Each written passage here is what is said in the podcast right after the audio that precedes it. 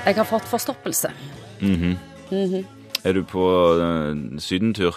Noe sånt. Det, det skjer i Norge òg, det kan jeg bekrefte. Du, uh, det er, det er jo en vanlig problemstilling. Du føler, ja, du føler deg jo skitten og, og, og oppblåst. full av og dritt. fø- helt full av dritt, ja. Og dette her kan jo skyldes mange ting. Det kan være at du har drøyd litt lenge med å gå på eh, do, kanskje. Da på en måte går disse toalettogene. For tarmen, tarmen har jo en sånn, sånn nå, nå, nå må jeg på do, sier han. Nå må du hjelpe meg sånn at jeg er på egnet sted, for det nå skal jeg presse. Det er jo det barn ikke kan, eller babyer ikke kan. sant? De, der går toget, og så rett i bleia. Ferdig med det. Men du lærer deg jo å bremse dette her toget til du er et, på et adekvat sted som er egnet til å ta imot lasten. Og hvis du bremser for lenge, da Ja, sant, så er det det. Hvis du utsetter dette for lenge, så kan det være at den tarmen blir jo ikke dritlei, på en måte. Han, det er ikke sånn at han tenker ja, nei, det skal, vil du ikke, så vil, da skal ikke jeg heller hjelpe deg med å få ut dette her. Det er ikke sånn. Men det blir liksom liggende der og samle seg opp, og blir mye av det. Ja, og hvor lenge kan du gå og være full av dritt uten at det er farlig? Hvor lenge Nei, kan dette vare?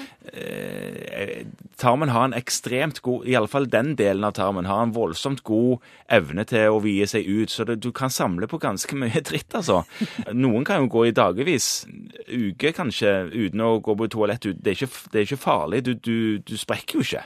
Det samler seg jo ikke i, i magesekken, selv om det føles at du har det helt oppunder lungene. Så er det jo, det er jo langt nedi der det er da, samler du opp dette her, og så får du det ikke ut. Så det kan være den ene grunnen til at du ikke til at du, du blir forstoppa, eller ja. Den andre grunnen kan jo være at du har spist masse fiber uten å drikke så mye, sånn at du har en veldig hard avføring, og at den, den blir rett og slett hard å presse ut. Og da, da får du en sånn, sånn propp i systemet. Og da, da kan det til og med være at du blir, er forstoppa, men får diaré. Og det høres jo litt grann rart ut. Veldig rart. Det, det betyr egentlig at du er full av drit, men så har du diaré. Tenk deg en bilkø, da. At du har svære trailere og sånne ting som står først i lyskrysset, og så kjører de ikke, liksom. Selv om det ble grønt lys, så vil de ikke ut. Men syklister, kanskje, og små mopeder, de kommer seg forbi på sidene. Og det renner ut som diaré. Mens all annen dritt, som er biler og sånne ting bak traileren, det blir stående i stampe. Hva gjør en da når en har fått forstoppelse? Ja, hva gjør en? Vanligvis går jo dette over med, med tid og sviskeyoghurt og vann og, og den typen skjæringråd. Men noen ganger så gjør det jo ikke det. Eh, Og da kan det jo være at du må eh, få blødgjørende legemidler som gjør at eh, avføringen blir lettere for tarmen å hanskes med.